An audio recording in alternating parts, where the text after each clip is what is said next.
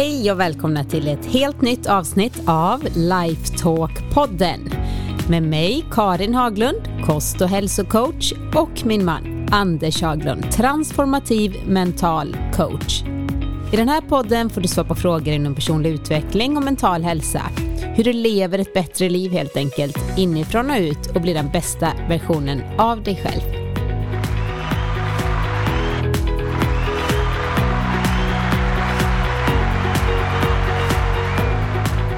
Hej Anders! Ja, hej Karin! Dags att podda igen. Ja, nu Vad sitter härligt. vi här än en gång. Ja, det är så roligt. Och nu är det vår ute också. Ja, det är så fantastiskt att känna när hela naturen kör igång igen. Allting luktar möjlighet. Allting luktar nya ansatser och viljor och allt vad det är. Allt ifrån att fåglarna sjunger allt vad de kan för att locka till sig en partner och bygga bo och se till att nästa generation kommer efter sommaren. Men allting verkligen känns nu att det är något där som ligger i luften som man brukar säga. Mm. Det tycker jag man ska ta vara på. Allting på planeten, i varje fall här på den norra hemisfären ska vi ju säga. För på andra sidan ekvatorn så har vi lite tvärtom. Det går det mot höst. Men för oss här på den norra hemisfären, där vi bor i varje fall, så ska man ta vara på att nu, nu är det så att allting på den här sidan tar sats. Det Efter känns dvalan som i vintern. många njuter också. På våren, just den första solen och man sitter ute på lunchrasten, kanske bara njuter av den där äh, värmen och solenergin och börjar tanka lite D-vitamin. Ja, all energi på planeten kommer ju från solen. Det är ett av skälen att det är så bra att äta grönt för att ingenting är en bättre omvandlare av solenergi än vad just klorofyll är. Om vi kunde hitta en solfångare som var lika effektiv som klorofyll så skulle vi inte behöva många fotbollsplaner för att driva en stad. Men det gör ju också det att när vi äter det gröna så äter vi också närmare solenergi än vad vi gör när vi äter gräsätarna som har då tagit gräset och sedan då vi äter deras kött och så. Det är ett steg ner i effektivitet. I just energi. För det, det är en positiv jag får från mina deltagare i mina onlineprogram. När de börjar äta mer grönsaker, frukt, bär, så blir de så mycket piggare. Alla märker liksom en höjning i energinivå. Ja, och det är det vi är ute efter, för just höjningen av energinivå är ju det som gör den största skillnaden. Hälsa är ju egentligen bara energi. Låg energi sänker vår hälsonivå. Högre energi höjer vår hälsonivå. Och det är därför första, nästan alla sjukdomar, första symptomet på att någonting börjar hända i kroppen är att man vill bli trötta. Mm. Det är väldigt sällan en sjukdom yttrar sig med att man blir helt jättepigg. Nej, det är Utan ganska det brukar sällan. vara att man känner sig lite Det skulle möjligtvis vara någon eh, märklig tumör av något slag som sitter nära någon del i hjärnan som skulle kunna göra något liknande. Det vet inte jag eftersom det Nej. inte är min medicinska expertis riktigt. Men för det allra mesta så alla sjukdomar yttrar sig så att det går ner i energi. Och tittar vi på vad vi vill åstadkomma med våra liv så är det alltid så att där jag befinner mig nu till dit jag vill kommer alltid att kräva en insats av energi. Det kommer liksom inte gratis. Förändring är gratis. Förändring är konstant. Men Allting du menar förändrar sig. Jobbet men det utan innebär att förändra Ja, kommer med att om vi inte betala gör- med energi. Ja, precis. För om vi inte gör någonting med det här huset överhuvudtaget så kommer det förändra sig utan vi får göra någonting. Eller hur? Så är det. Det kallas entropi om man nu ska använda min gamla ingenjörsexamen. Men entropi är att allting på något vis blir mer och mer random ju längre tiden går, vilket vi kallar att det blir lite stökigare och mer kaotiskt. Saker och ting sprider sig. Förfaller på något sätt Ja, också. Jag tänker exakt. på ett hus och Ja, ja, det- även måla våra- färg och... tyvärr även våra kroppar och så med tidens gång och så vidare. Så allt vi vill åstadkomma, då måste vi motverka den entropin som finns inbyggd i världen. Så att förändring är automatisk, förbättring kräver energi. Så vill vi ha en bättre kropp, då måste vi lägga dit lite energi. Vill vi på något vis bidra med mer värde och tjäna mer pengar, då måste vi in med energi. Så den största valuta vi har överhuvudtaget när vi ska göra någonting som vi vill med våra liv är just energi. Och då glömmer många det att ja, men det är här det börjar. Ja, men det kan inte vara så att man ska äta lite mer spenat och broccoli och avokado och sånt där. Det kan inte vara hela. Jo, men det kan vara en av de största startpunkterna. Som gör att man kommer igång, så man får lite högre energi att kunna ta bättre beslut gällande till exempel träning, komma ut och promenera, röra på sig. Börjar man med allt så är det oftast ett alldeles för stort steg för många att ta. Det hjälper inte hur många världsklassidéer jag har om jag inte har energin att genomföra det. Då får jag anställa andra som har energi och kan springa på den bollen. Mm. Så enkelt är det ju, för energin måste in oavsett hur bra idén är. Tänker jag på en, en eh, väninna som var här, här om, ja, för några veckor sedan. Hon sa just det, hon hade något exempel om någon som hade sagt till henne att man ska alltid anställa, vad var det hon hade sagt? Människor med ja, nu det är som jag vanligt, guldfisken här. Men oavsett, som min väninna sa, våra barn sprang runt och lillan som är fem, ja, och så, hon har, om vi nu pratar energi, det är väldigt mycket energi. Så hon bara skrattade och sa, det är så härligt, era barn har verkligen mycket energi. Mm. Hon sa det fint. Ja, det var ju, det var ju trevligt, men det kan ju också vara ganska jobbigt. Eh, men det är ändå härligt att eh, man har energin. Ja, det är ju fantastiskt. Sen vill vi då gärna ha lite visdom och idéer rent mentalt. Jag kommer ihåg, det var väl den gamla legendaren inom personlig utveckling, eh, Jim Rohn, som var en av de första som jag började lyssna på. Han sa någonstans där att om vi har en idiot och motiverar den så är allt vi har en motiverad idiot. Det är nästan bättre att de inte är motiverade. Då kan mm. de inte göra lika mycket dumheter. Inte speciellt politiskt korrekt, men han sa det här i slutet på 80-talet någonstans. Men det var ganska roligt sagt på det sättet att det hjälper inte bara att ha en massa energi och liksom om man inte vet. Om man inte liksom har en riktning som är någorlunda vettig och sen är vaken nog att märka vad som fungerar och inte fungerar så att vi kan korrigera på vägen. Mm. Det är ju så vi närmar oss allting. Vi, ingen av oss gör det perfekt från början. Allting som vi vill göra bra måste vi göra dåligt först. Och de flesta är inte villiga att göra det dåligt först. De vill göra det bra med en gång. Så vill man lära sig ett språk så måste du vara kass på det och locka till många skratt med alla misstag du gör när du säger saker som inte betyder alls vad du trodde det skulle betyda och så vidare. Och den fasen är kanske inte fullt så aptitlig, men det gäller att se att det måste vi, precis när vi var bebisar. Vi måste och först alla... vara extremt dåliga på att ställa oss upp för att kunna stå upp. Mm. Och alla har gått igenom den fasen. Men nu mm. så känner jag att jag ska rikta min energi här mot dagens första fråga. Den lyder så här. Hej, har nyligen upptäckt er podd Så himla bra. Jag har lärt mig massor och fått nya insikter. Jag har ingen direkt fråga, men mer ett ämne att prata kring. Mental klarhet och föräldraskap. Jag har två små barn, ett år och tre år gamla. Jag försöker göra annorlunda i mitt föräldraskap än det jag är uppväxt med. Jag tänker på det ni pratar om när man är i olika sinnestillstånd och hur man reagerar på barnet när barnen skriker och inte gör som man vill. Hur kan man tänka där för att behålla sig själv lugn och inte gå in i barnets upprörda känslor? Jag håller mig ofta lugn i början, men när det har varit skrik om att inte ha på mössa, inte gå ut etc. etc. kan jag brusa upp och säga nej, nu räcker det. Typ skrika, står det i parentes.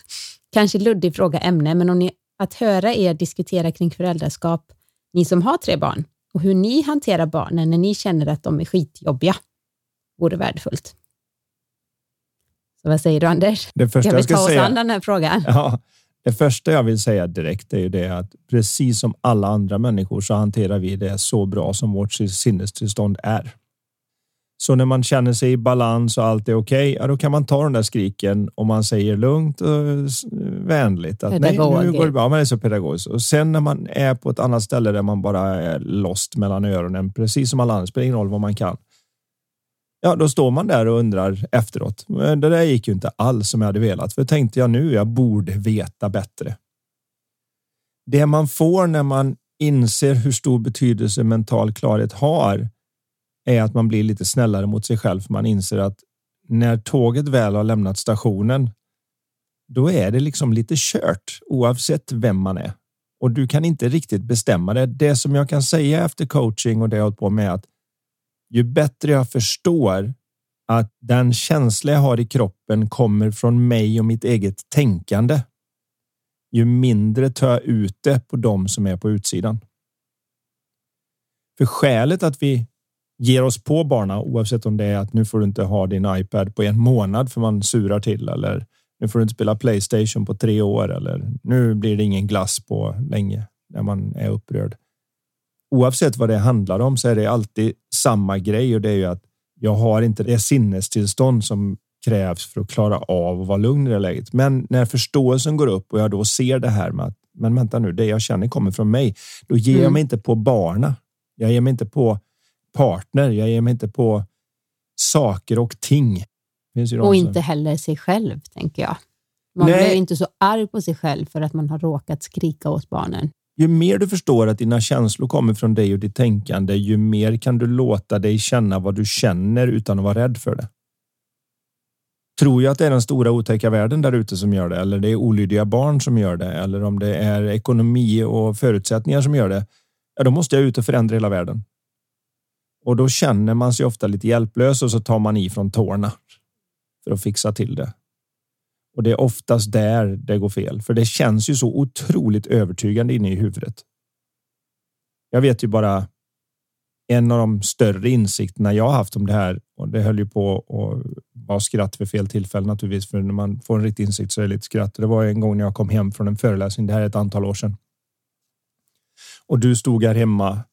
Barnen hade inte skött sig något vidare, eh, utan det var skrik och elände vid matbordet och ingen ville göra vad de ville. Och jag kommer hem från liksom, woho, jag har varit ute och föreläst och så ramlar man in i Kommer kulturkrocken. kostymbyxor och skjorta ja, in där. Och så står man där och går, och går rakt in i tre barn som inte sköt sig något vidare och du var ganska irriterad på dem vid tillfället. Och så märkte jag när jag kom hem hur jag på något vis blev irriterad över att du var irriterad. För det jag bara kom in så var ju som, de är ju barn. Vad är du irriterad över?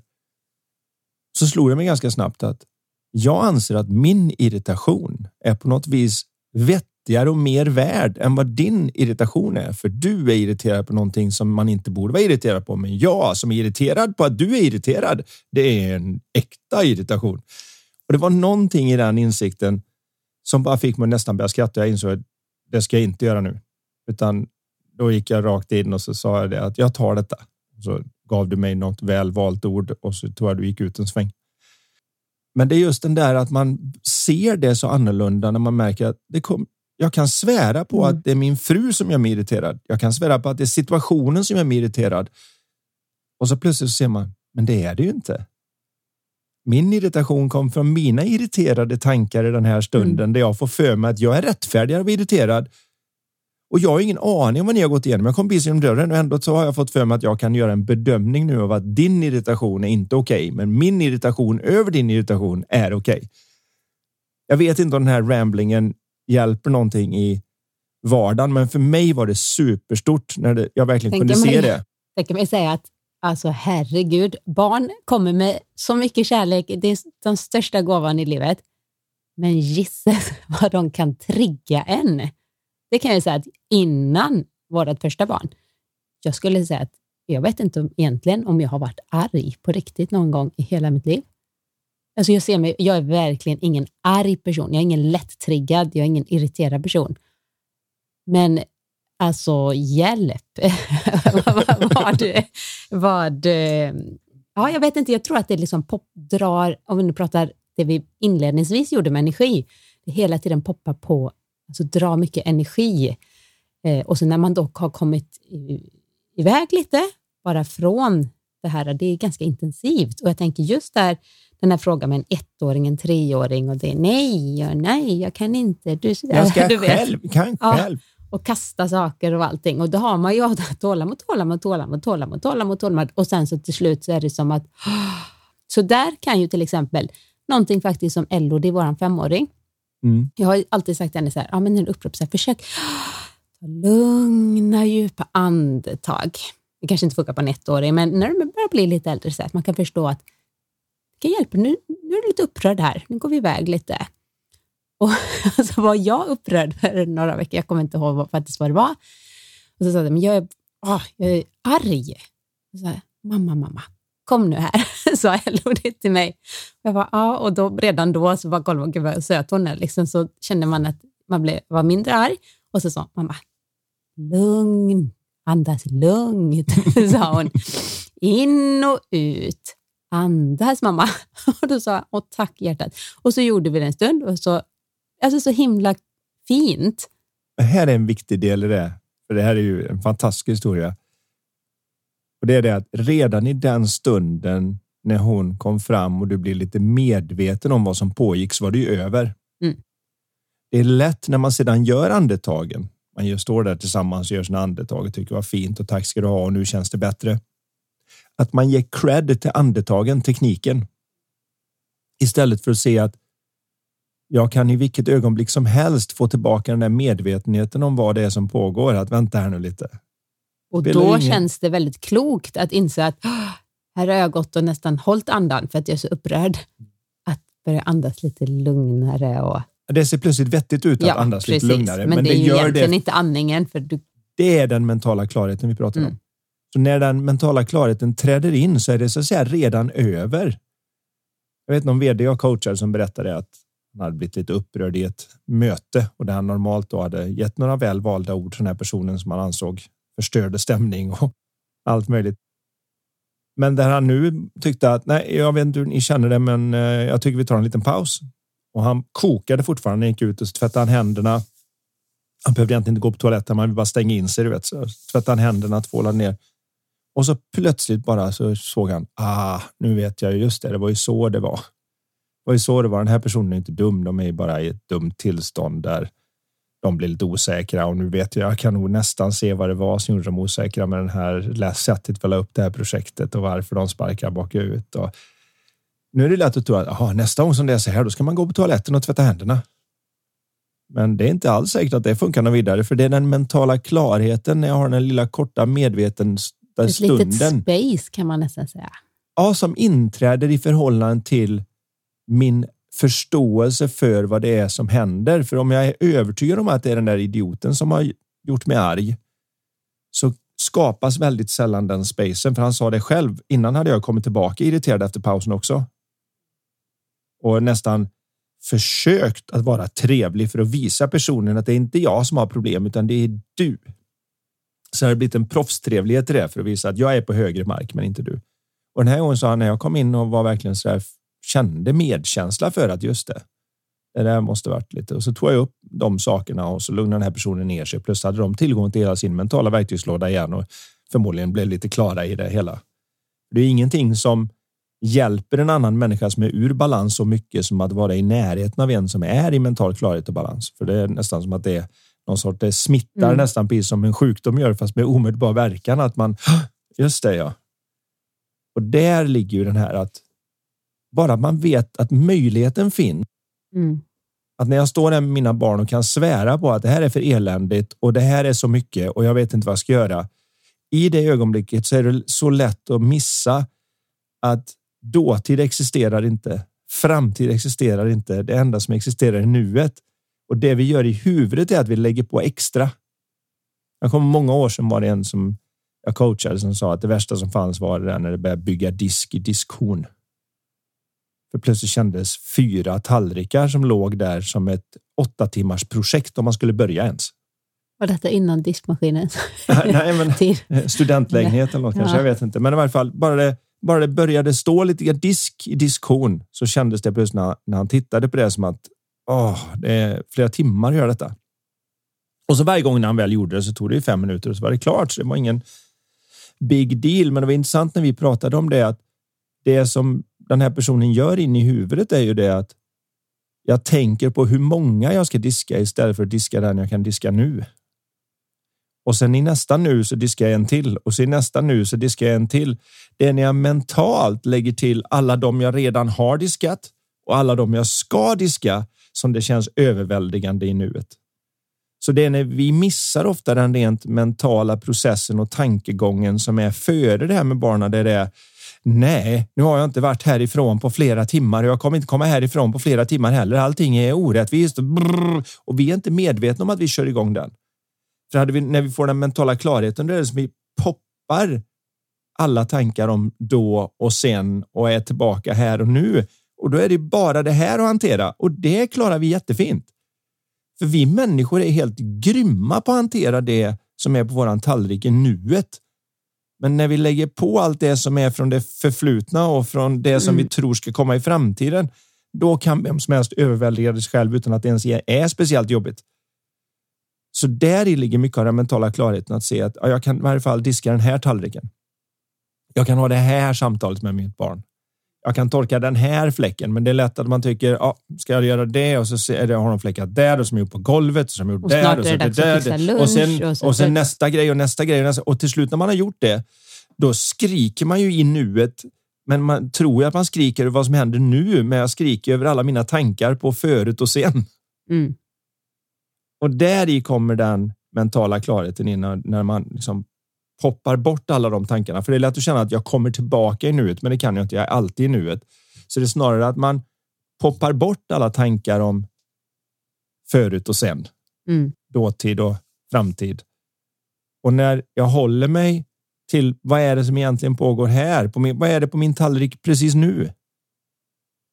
Ja, då är det inte så rackarns jobbigt. Och så när jag har gjort den så kan jag säga, vad gör jag sen? Och det, det här brukar man ju ta som ett tips och råd ungefär som en sak i taget, en match i taget, ett slag i taget. Det här upplevs ju ad nauseum som det heter på latin. Men det är först när vi förstår bakgrunden till hur det fungerar som vi klarar av att ta till oss den, för annars låter det bara löjligt. Ja, ja, vad är alternativet? Åtta matcher Eller rättare sagt, så här, så när vi är, befinner oss i det här härliga tillståndet av mental klarhet, när vi är, då, då blir det så automatiskt och så självklart att vi tar en sak i taget. Det, det, blir liksom, det är ingenting vi behöver försöka träna på att göra eller säga till oss själva, ta nu bara och gör det här, utan det, det är så vi säga, fungerar när vi är mer i mental klarhet. Och jag vill ta en liten grej till där och det är det att det är inte att vi är i mental klarhet. Det är egentligen att vi aldrig kommer därifrån och så täcker vi det med oroliga, osäkra, stressade tankar Mm. så att man börjar se att det vi kallar mental klarhet är inte något jag behöver jobba mig till och betala för. Det är någonting som jag avtäcker i samma stund så jag blir medveten om att det är tillgängligt. Det är lite Tjugo- som du brukar säga att solen skiner alltid. Även om Även om det är mulen dag, helt grått ute, så är det bara att eh, molnen täcker Ja. just nu. Jag behöver inte vara orolig för att hela mitt, min livsgnista har försvunnit. Min sug är tappad. Det kan kännas så. Det känns så, absolut. Och det gjorde det ju för folk för länge sedan också som slängdes ner och offrade grisar och oskulder och allt möjligt när solen försvann eller det blev extra åskigt och molnigt och allt vad det kunde vara. Mm. Så sinnena säger ju det att nej, nej, nej, den försvann ju. Det är väldigt svårt för äldre tider innan Copernicus att se att det är vi som snurrar, inte solen som går upp och ner. Samma sak är det mentalt, att det är jättesvårt att se att det är jag som går från högt till lågt sinnestillstånd, från mental klarhet till mental förorening. Mm. Det, det är jättesvårt att se att det är det som händer, för jag tycker ju nej, nej, nej, det är de som är otrevliga. Det är därför de ser så otrevliga ut. Det är inte att jag är på ett dåligt ställe. Så i takt med hur irriterade vi är så ser omgivningen irriterande ut. Mm. Och där är hemlisen att börja se det att wow, ingenting kommer mellan mig, mina tankar och mina känslor. Och när jag väl ser den att de känslor jag har är bara den skugga som mina tankar lämnar efter sig så är jag fri och låta känslor skölja över mig, känna dem fullt ut utan att behöva vara rädd för dem. Så det är inte att man ska må på ett specifikt sätt hela tiden och undvika vissa andra, utan det är att nu kan du ta in alltihopa och inte vara rädd för du vet vad det är som pågår. Det Därför är vi det. har alla dessa känslor. Det är för att vi ska uppleva dem. All, liksom, känslor har ett syfte. Och där är någonting jag också skulle vilja säga just med föräldraskap, familj och så vidare. Jag tycker det är viktigt att barnen får se att man är människa, att man har känslor och att man diskuterar det och också liksom bekräfta barnets känslor. Inte du borde inte vara ja jag ser att du är arg nu. Ja, ja jag ser det. Ja. Och, och själv också när man själv är det, kan tala om att jag är ledsen.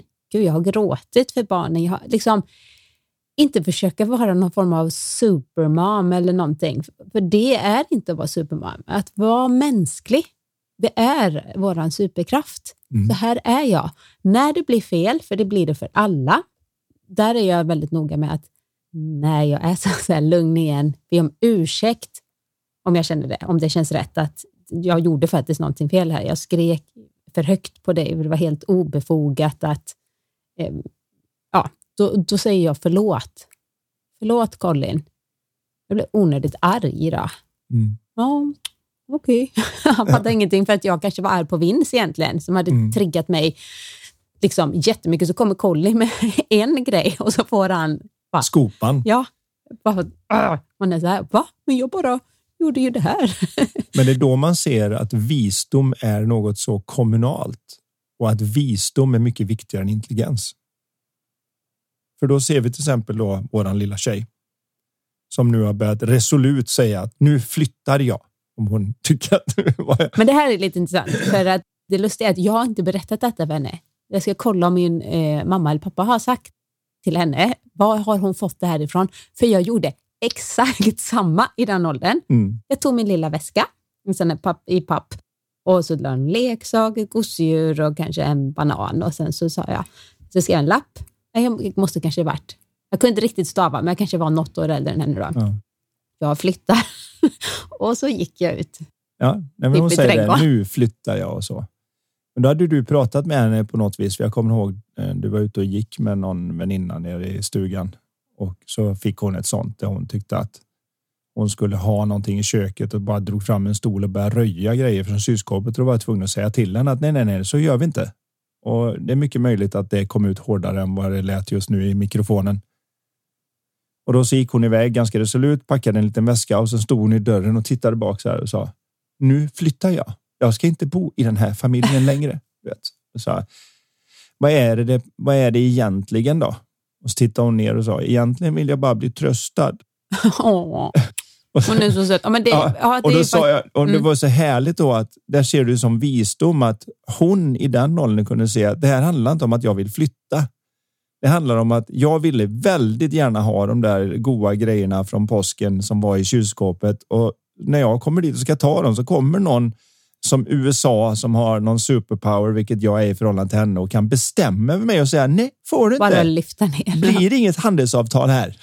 Ni får stå där med skägget i brevlådan. Jag kan förstå själva frustrationen. Mm. Hon är ju en känslomänniska också. Ja, ja. Men just den här att hon då kunde se det att nej, för många vuxna fastnar ju. Nej, nej jag flyttar. Jag ska men, inte men, prata med dig mer. Men hon sa bara, du, jag vill egentligen bli tröstad. Och så gick jag fram, lyfte upp henne och sa, är det okej okay om jag tröstar dig med en kram? Ja, det vill jag jättegärna. En sån där som morgonkram som vi brukar göra. Och så kramade jag om henne och hon kramade om mig och sen så gick hon och lämnade tillbaka sin lilla flyttväska. Och så var det vidare. Men just den här visdomen. Man tänker verkligen, hur kan du vara så vis, din lilla råtta? För du, ditt CV är ju i stort sett att du har kissat på dig, vi får torka dig i rumpan och att du har hållit oss vakna på nätterna. Och normalt sett så tänker man på visdom som någonting man utvecklar med erfarenhet och ålder. Men jag vill säga att äkta visdom är någonting som finns i kraften bakom livet där man ser hur den visdomen spelar ut och alla träd börjar nu göra sina gröna blad för att fånga solen. Jag tror att, och det här är ju någonting som man får titta på vetenskapligt och se om det funkar, men jag, jag anser att vi är en del av exakt samma kraft. Vi, vi bor inte på planeten, vi är en del av planeten. Och man ser den här visdomen ge uttryck överallt när fåglar mm. vet vart de ska flytta och träden vet när de ska slå ut och var rötterna ska ta vägen. Och hur det visar sig att svampar pratar med varandra under jorden för att hålla ordning på vad som attackerar dem och träd pratar med varandra med kemikaliska små signaler. Nu kommer alla säga, har du hört den här podden, Lifetop-podden? De har blivit lite knäppa nu. Nu pratar de nu om, pratar de om, om träd att träd pratar med varandra. Och... Ja, men ju mer man får reda på ja, om hur systemet fungerar, ju mer fascinerad blir man. Om man tänker på det här lilla livet nu som man ser som är så smart, så var det ju en spermie och ett ägg som träffades en gång och så blev de x antal stamceller och så börjar de bli 256 stamceller och så rullar de ner som en liten boll fäste i kanten på livmodern. Och när de väl hade fått försörjning så att de har både kunde bli av med avfallet och få in näring, precis som en stad som skaffar infrasystem. Så plötsligt så pratar de med varandra och säger, kör du hjärnan eller? Ja, jag kan ta hjärnan. Kör, kör du, du stamcell där som kan bli vad du vill. Kan du köra ryggrad? Ja, visst. Kör du ben? Ja, då kör vi. Bam, bam, bam. Och så brrr, och så utvecklas alla foster exakt likadant i exakt samma längd de första Fram 20 veckorna ja. eller 22 veckan och därefter börjar genetiken slå på och det blir lite annorlunda. Men fram till dess så är det exakt lika för alla. Det är ju galet när man börjar se allt det här och den, bara den här lilla kontakten med det. Så när man står där mitt i det vardagliga, vardags, så, så kan man få den där lilla känslan av wow. Mm. Och, och, där i den bor ödmjukheten. I den bor alla de djupa känslorna av mental klarhet som vi vill ha egentligen. Inte de här påbyggda woho känslorna, utan mer de här lite djupa som är det vi alla egentligen är ute efter. Omtanke, kärlek, ödmjukhet. Allt det bor i så att säga vårt inre solsken. Mm. Och sen täcks det över med arga tankar, irriterade tankar, osäkra tankar, allt det där och man kan se det i ögonen när det mörknar eller ser lite dödare ut. Och så kan man se när, i samma ögonblick som med lite flexibilitet och humor man kan få någon att lätta på dem så glittrar det omedelbart till i ögonen igen. Mm. Och det ser ut som att det är som en lampa som tänds, men det är en, det är så att säga en sol som alltid har lyst och molnen försvann. Vad fint. Det är ju upplyftande. Ja, det hoppas jag var en väldigt vårlik metafor med... för det här med hur man hanterar de vardagliga situationerna, inte bara med barn utan med alla med medmänniskor livet. och livet. Men sen ska jag säga att just gåvan i att ha barn, det är ju att man, eller jag ska jag säga, pratar från min egen erfarenhet, har liksom tvingats att utveckla mig ännu mer för att man blir utmanad. Hade vi inte haft barn, säger vi, hade vi inte hamnat i vissa situationer där du blir triggad, utmanad, någon som trycker på dina eh, knappar. Du är liksom totalt sömnbristad. Barnen är också sömnbristade. De har kanske kissat på sig någon, alltså kaos. I de lägena kunna hitta eller då känna det här, det är ju fantastiskt. Det finns ju inget bättre mentalt gym än att ha barn. För de som lyssnar nu och inte har barn så kan man ju säga det. Jag bryr mig inte om hur bra din rustning är så hittar barn sprickan i den. Alltså, man är lyckligt ovetande om sina svagheter tills barnen trycker så på dem. Så kan man säga, precis, för de Förstår finns ju där. Ja, de finns ju men man är lyckligt ovetande om det. Så man går ja. där och tycker, men vi, som, vi grälar ju aldrig och vi är ju aldrig upprörda egentligen. Och, Nej. Oj, oj, oj, vad vi är glada och så. Och så kommer barnen in och börjar trycka på lite allt möjligt. Så upptäcker man att ja, där fick vi nog utveckla oss själva för att man är lite villkorlig där. Lite som hon också beskriver så har man ju en villkorlighet där man säger jag är villig att vara lugn och trevlig och pedagogisk. Men där gick gränsen. Jag kommer ihåg, jag, jag skrattade ganska gott om det. Jag hade pratat, eh, det är också ett antal år sedan, men jag var på, hade en föreläsning i Göteborg.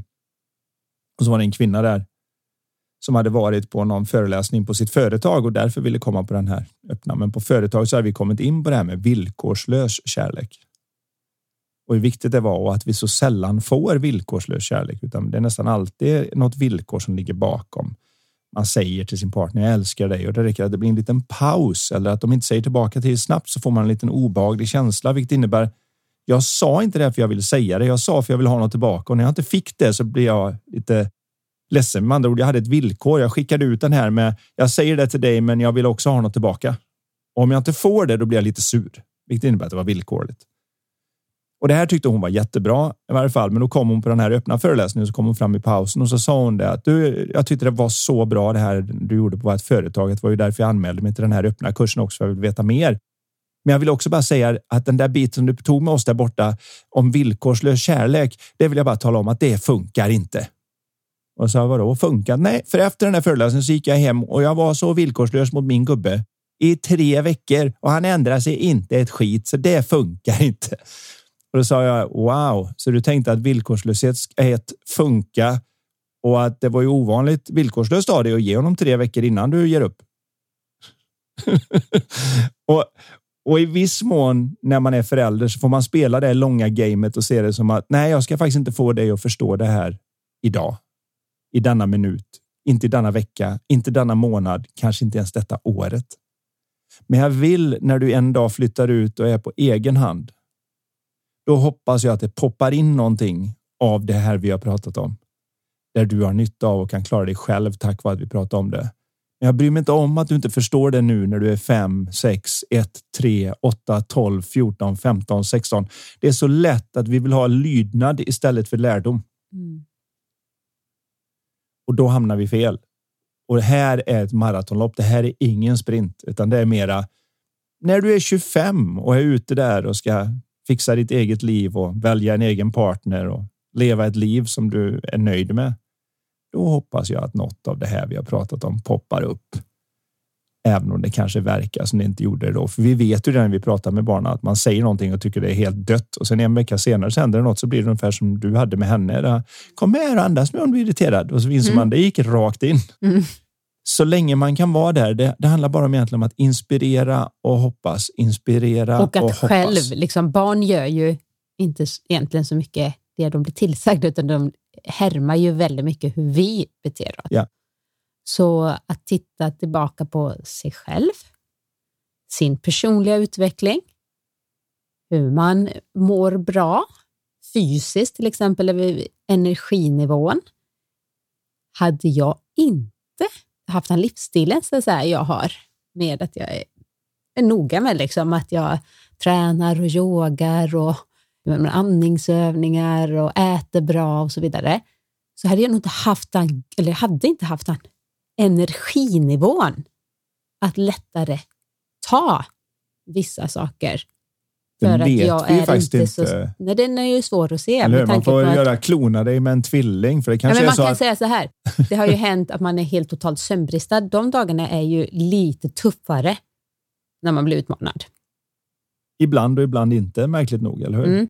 För... Men, men alltså man säger bara generellt sett i föräldraskapet. Ja. Jag ser alldeles för många föräldrar som hamnar i någon form av, åh, hinner inte träna, och jag, barnen tar så mycket det här och äh, vi kör pannkakor och snabbmakaroner hela familjen. Alltså, förstår du, menar man tappar det lite hälsomässigt och så tappar man energin och så kommer man inte igång. Men att, att själv investera lite, som de säger på flyget, ta på dig masken först i den här säkerhetsgenomgången så att du sen kan hjälpa barnen. Okej, okay, men tänk så även i föräldraskapet.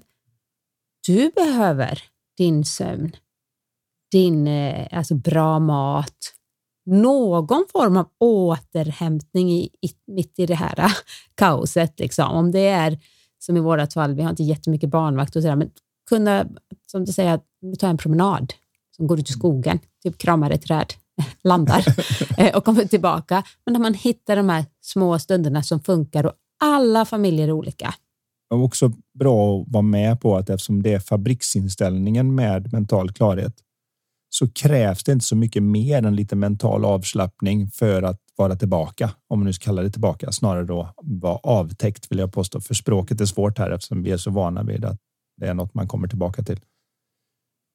Och bara att se det som sagt var att ge mig en liten paus och ställer systemet om så vi vet hur det är. Det är därför alla har sagt det. Räkna till tio, ta ett par djupa andetag, sov på saken, Gå ut och gå en sväng så pratar vi om det senare. Alla de här sakerna som jag sagt i alla tider talar ju om att vi vet om att det här är inte skrivet i sten, utan det finns en möjlighet att se på det här annorlunda om jag är annorlunda. Men om, om mitt förhållande till mitt tänkande inte ändrar sig så ändrar sig inget för mig. Så att vi tittar på rätt ställe för att skapa den förändring, förbättring vi söker. För Det är jättesvårt att hitta någonting där det inte finns. Mm. Och de flesta letar på utsidan i att skapa bättre förutsättningar där. Och där finns inte lösningen. Så då hjälper det inte hur länge jag lever. Jag kan, jag kan leva tusen år och leta på det stället så kommer jag ändå inte hitta det. När man börjar se det här att mina känslor kommer som skuggan av mina tankar. Det jag känner kommer från mig och mitt tänkande. Då kan jag släppa in alla de här känslorna, ha dem utan att vara rädd för dem. I den avslappningen så beter man sig väldigt mycket bättre med barn mm. och alla andra och mm. med sig själv. Det var Verkligen. en hel podd på det en var... fråga som inte var en fråga. Precis, men det var väldigt intressant så det känns som vi betalar, besvarade väldigt många olika frågor i en, en och samma. Eh, men vi tar en fråga till. Eh, den lyder så här. Hejsan! Hur får man misstag att känna lite mindre ont att göra? Jag får ångest och kan älta mitt dumma misstag ordentligt i en dag eller två dagar. Jag har lärt mig att det hjälper att berätta om mitt misstag för en förälder eller nära vän och det får mig att må bättre. Finns det inget sätt att få den där hemska känslan att gå över snabbare? och vara lite mer snäll mot sig själv och se det som ett lärande direkt. Tack, bästa hälsningar från Olivia. Det är en sak som många kan stå inför. Verkligen. Riktigt bra fråga. Tack Olivia. Ja, vi är nästan allihopa uppfostrade med att sättet att få oss att bete oss bättre är att vara hårdare mot oss. Det är så de flesta uppfostrar sina barn om vi ska vara riktigt ärliga. Nu sköter du inte, gå till ditt rum. Nu har jag sagt till dig tre gånger, nu höjer jag på rösten. Efter att jag höjer på rösten så tar jag dig i armen och tar dig härifrån. Det är hur vi alla har fått. Så vi tar ju över den in i våra egna huvuden. Så vi börjar med att säga till oss själva att hur dum kan det vara? Och sen så skriker vi på oss själva och sen så tar vi så att säga den mentala varianten på att ta oss i armen och skicka oss eh, ensamma. ensamma. Det är bara jag som är så här dum. Det är ju den mentala varianten på att gå till sitt rum. Nu går jag iväg. Ingen annan är som jag. Här får jag sitta och lida. Så en av de första sakerna vi behöver just det, det är hon själv inne på där egentligen. Att man börjar med att vara lite snällare mot sig själv. Man börjar att se det här som vi pratade om även i den förra frågan kom vi in på det att det går inte att göra någonting riktigt bra utan att göra det dåligt först. Misstag är liksom inte misstag utan det är lärande. Den enda gången egentligen som det är något annat än ett lärande är om jag inte lär mig något av det. Om jag inte ser det. ja, just det. det Upprepa samma misstag eh, dag ut dag in. Ja, det är som, Reflekterar inte. Ja, men det är som Albert Einstein sa en gång i tiden att eh, definitionen på vansinne är att göra samma sak om och om igen och förvänta sig ett annat resultat. Det gör vi ganska mycket med oss själva, för vi tittar inte riktigt på rätt ställe. Som sagt var, hon är redan inne på det, här att hur blir man egentligen snällare mot sig själv direkt och hur släpper man det tidigare mm. genom att vara snällare mot sig själv och släppa det tidigare. Jag vet att det låter nästan raljerande i det här läget. Men lösningen är så pass enkel så att man lyssnar på sig själv. Jag hör ibland människor som säger såna här saker som att Åh, vi har fått en ny chef, men den chefen är jättejobbig. Bara tanken på att behöva jobba med en sån person. Och då brukar jag säga till dem det att kan inte du säga det du sa nu, fast det är riktigt långsamt så att du hör dig själv. Bara tanken på att jobba med en sån person är det jobbiga. Du har inte ens jobbat med dem. Så du måste inte tänka det du tänker. Och framför allt måste du inte tänka så allvarligt om det tankar som hoppar in i ditt sinne. Du behöver inte ta dem på största allvar bara för du har tänkt dem. Det är märkligt hur bra vi är på att se när andra är ute och cyklar mellan öronen. Mm. Och hur det är helt dolt när vi är det själva. Så det är väl ett av de första stegen där att se att det är verkligen läranden, de misstagen. Faktum är att vill du öka farten på din framgång så öka farten på dina misslyckanden misslyckas riktigt fort.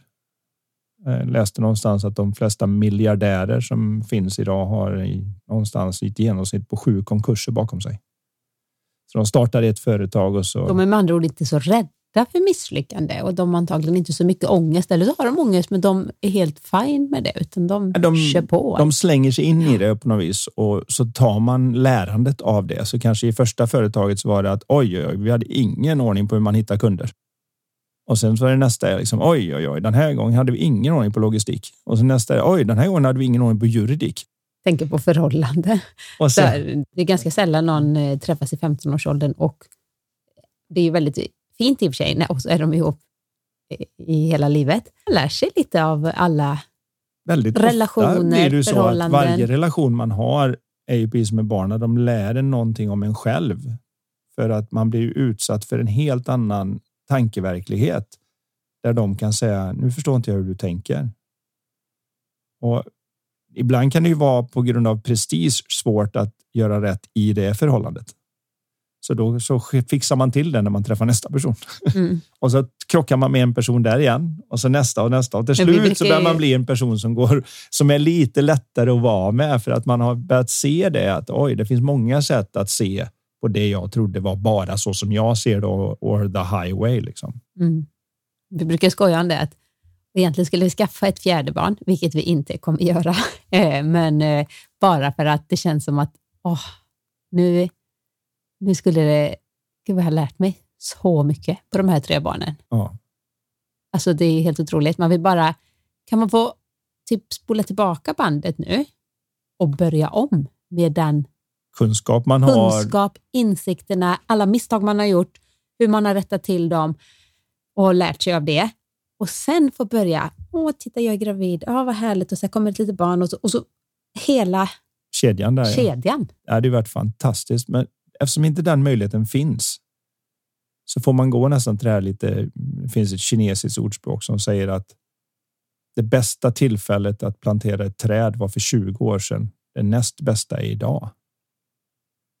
Så självklart vore idealet om man nu kunde springa tillbaka och göra om nu efter man gör om, gör rätt. Ja, gör om, gör rätt liksom helt och hållet. Men eftersom vi inte kan det så får det bli att vi får använda de här misslyckandena som jag då skulle vilja kalla lärdomarna till att göra trappsteg framåt. Så att de misslyckanden, misstag och lärdomar som man gör i framtiden är på en högre nivå hela tiden. För du kommer aldrig undan dem.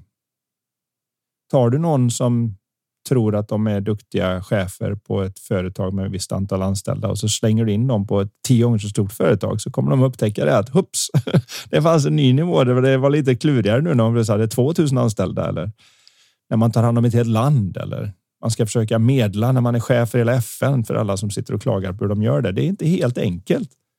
Man måste lära sig det också att aha, jag har ingen aning om att de från den kulturen går inte med på att man ens säger så. Attans också. Jag hade fyra länder jag inte hade varit i fast jag trodde jag rest över hela världen och det räcker för att det ska bli de här missförstånden, misstagen, misslyckandena, lärdomarna som gör att jag nu sen är lämpad. Mm man ser det med väldigt många. Det, det finns ju en anledning att de flesta inte blir statsöverhuvuden och annat innan de är en bit upp åtminstone i 50-årsåldern och oftast 60-årsåldern innan de kan ta över och göra det. Och även då så är de inte färdiga en hel del av dem.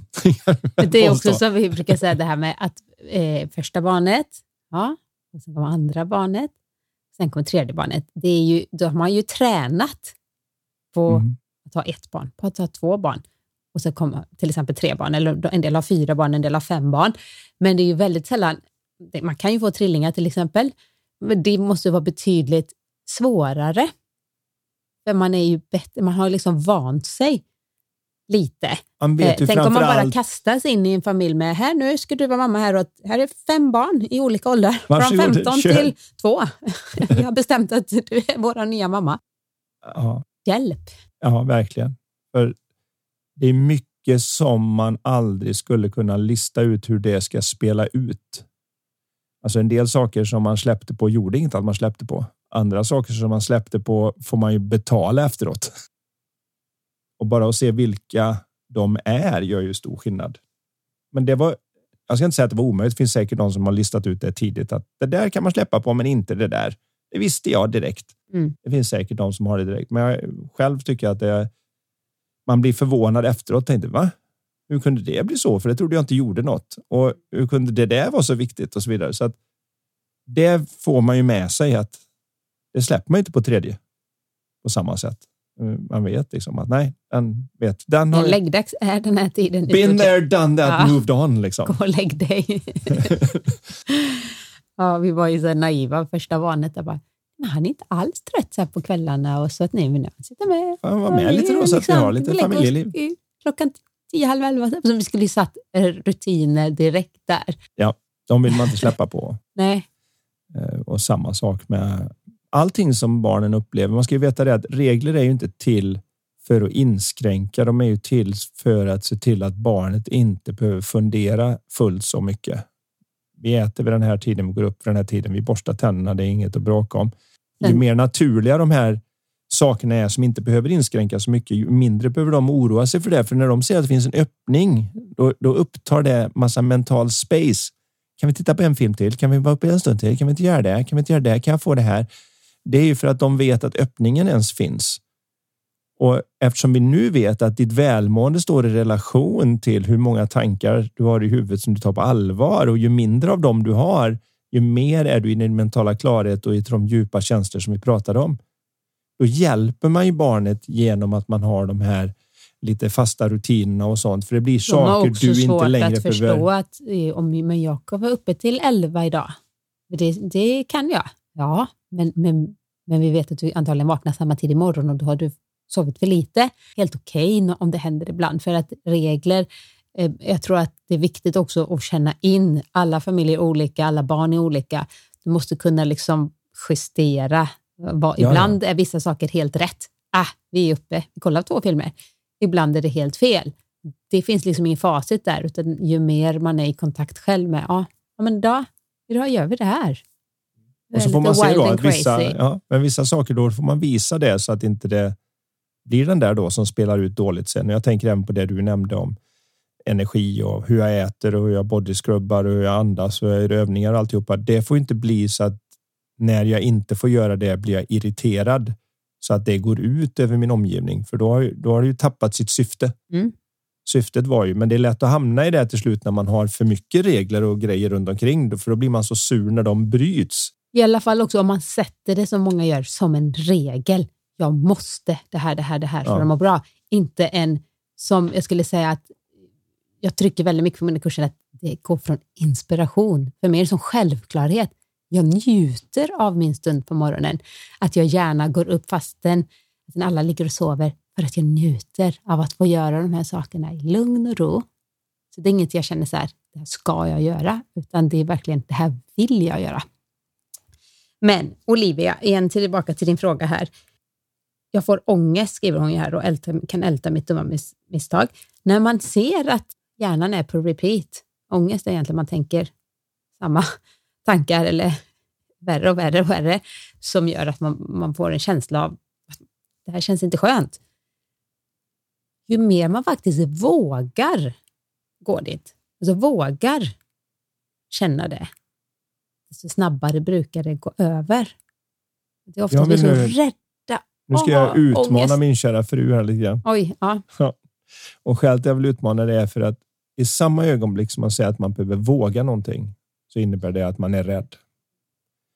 Och då hjälper så att säga inte desensitering, utan man behöver titta på hur kan jag förstå det här så bra att jag kan orädd göra det här?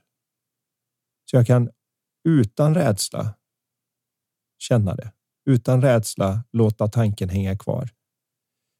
Så att, Var lite mer neutral, observerat. Nu. Ja, det är inte ett görande, för det är det som är så viktigt, att det är någonting som antingen ser vettigt ut att göra eller inte. Det är som när man pratar med en idrottare. Det bästa sättet att springa riktigt fort är att vara helt avslappnad. Det är därför en 100 meterslöpare ser ut som en Sankt Bernhards hund i ansiktet. Det flappar omkring i kinderna och så vidare. Det är inte alltid enkelt att ta det till förståelse när det är någon som flåsar dig i nacken och ser ut som någon ska slå dig på OS och nu är det fyra år till nästa. Då är det så lätt att tänka, ja, men jag måste ta i lite grann i varje fall. Och så fort du gör det så saktar du ner och så vinner den andra personen. Så det svåra är att se att det finns inget snabbare sätt dit fram än att vara avslappnad.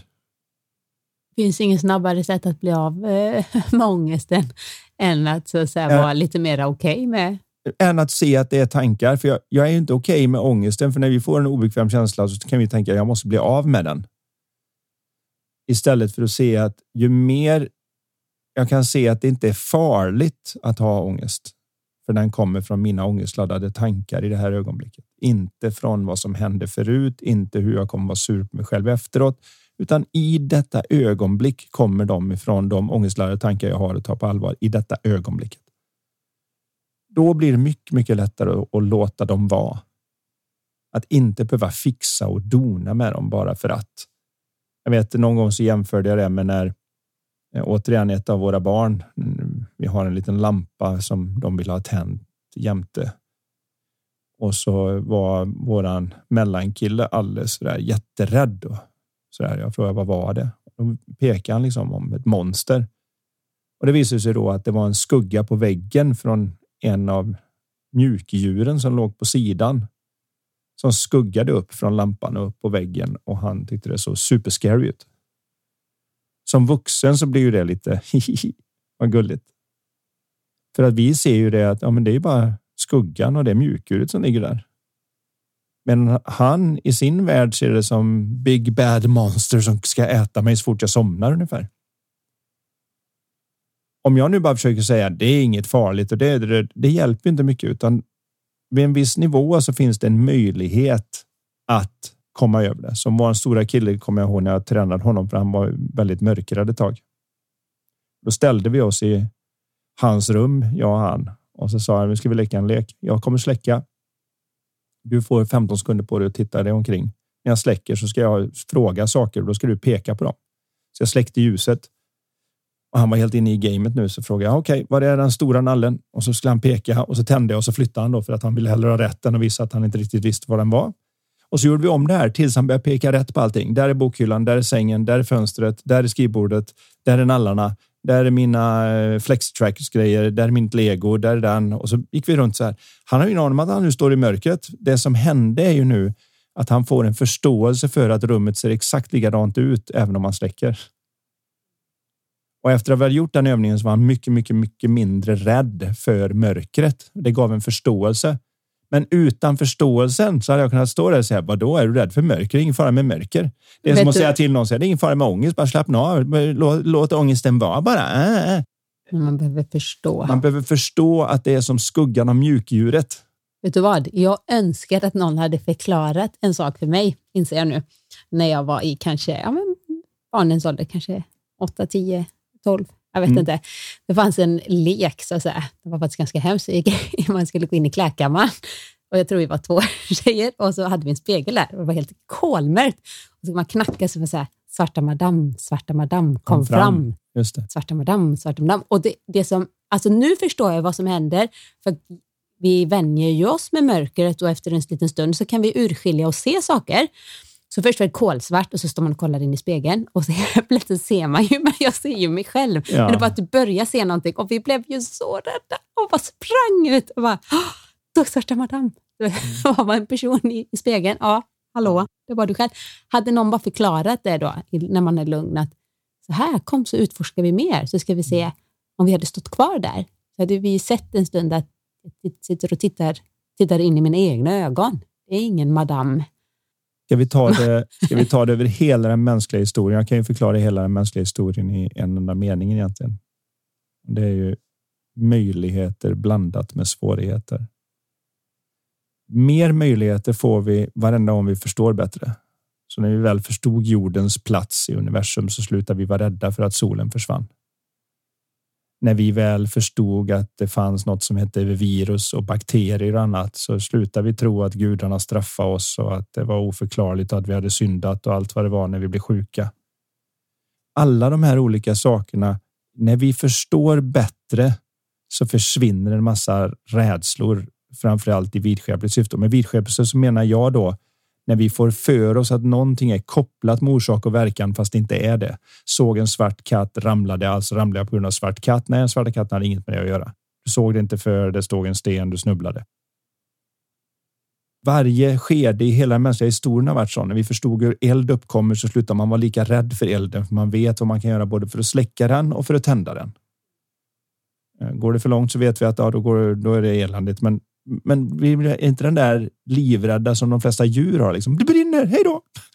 Utan vi kan stå och säga, oh, skön brasa, det är faktiskt skönt, hjälper oss med livet, kan värma mat på den och ta upp maten lättare och allt vad det kan vara. Allt det kommer med varje del av förståelse. Vi har inte gjort de framstegen mentalt förrän det börjat nu i samband med att vi har kunnat inte bara ha teorier om vad som pågår in i hjärnan utan att vi har börjat forska ganska rejält på Okej, okay, jag ställer en fråga till dig och så kollar vi vad det lyser upp i huvudet och så funderar vi lite på hur skapar en människa sin upplevelse av livet?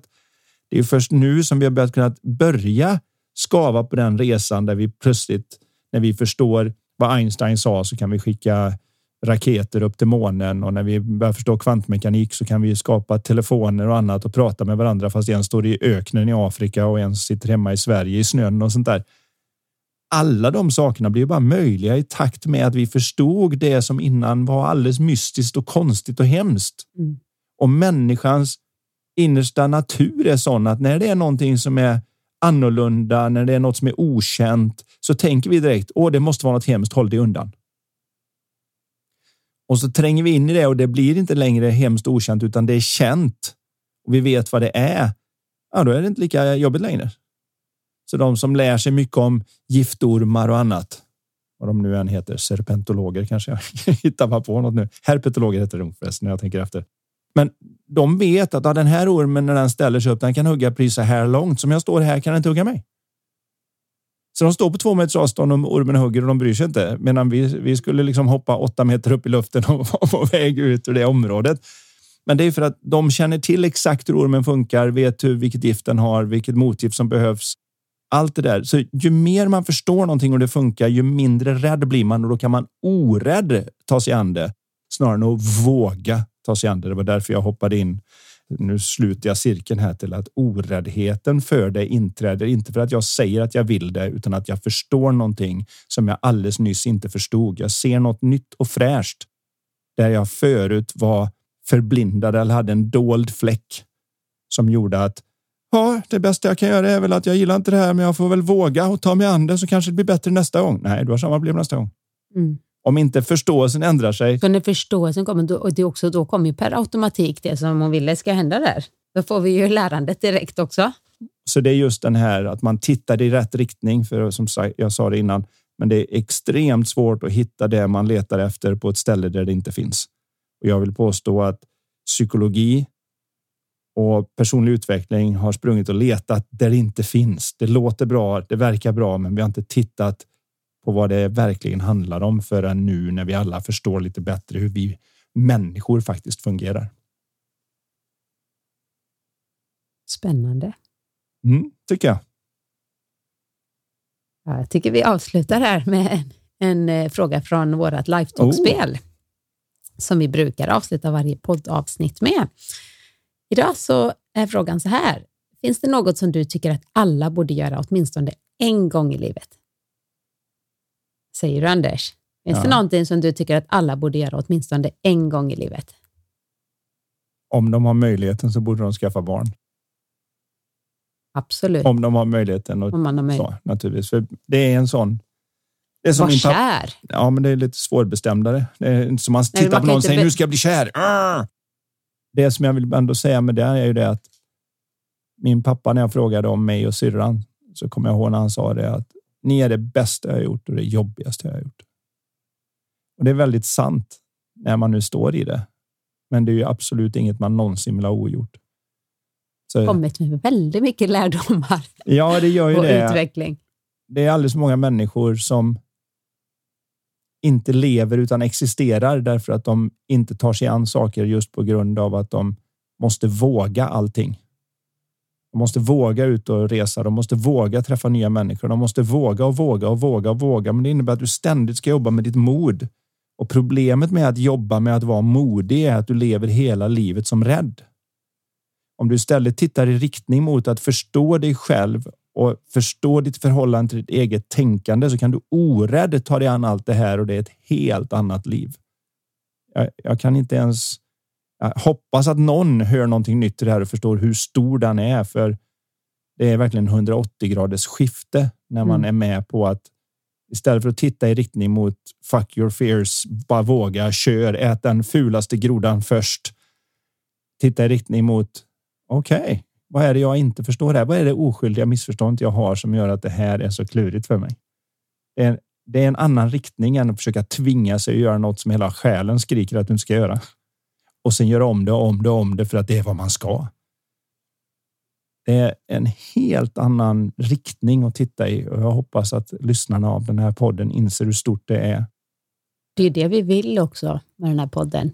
Det är precis vad vi vill med den här podden så att jag hoppas att eh, de har varit där ute och som lyssnar har eh, fått ut något av det här och att de också funderar lite grann på lifetalk frågan om det finns någonting som de tycker att alla borde prova åtminstone en gång i livet.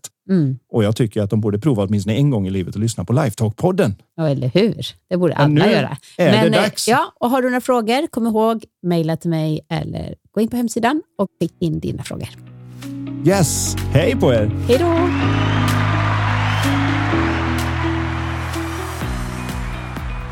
Du har lyssnat på Lifetalk-podden vi vore så tacksamma om du vill lämna ett betyg och eller recension i iTunes. Dina frågor de kan du skicka till oss på lifetalkpodden.se. Spelet Lifetalk finns också att beställa där. Vill du komma i kontakt med oss rörande samarbeten, coaching, föreläsningar och event, då kan du mejla till karin.lifevision.se. Tusen tack för att du har lyssnat och du, gillar du podden? Dela den gärna vidare och tipsa om den i sociala medier. Låt oss tillsammans göra världen lite mer mentalt välmående.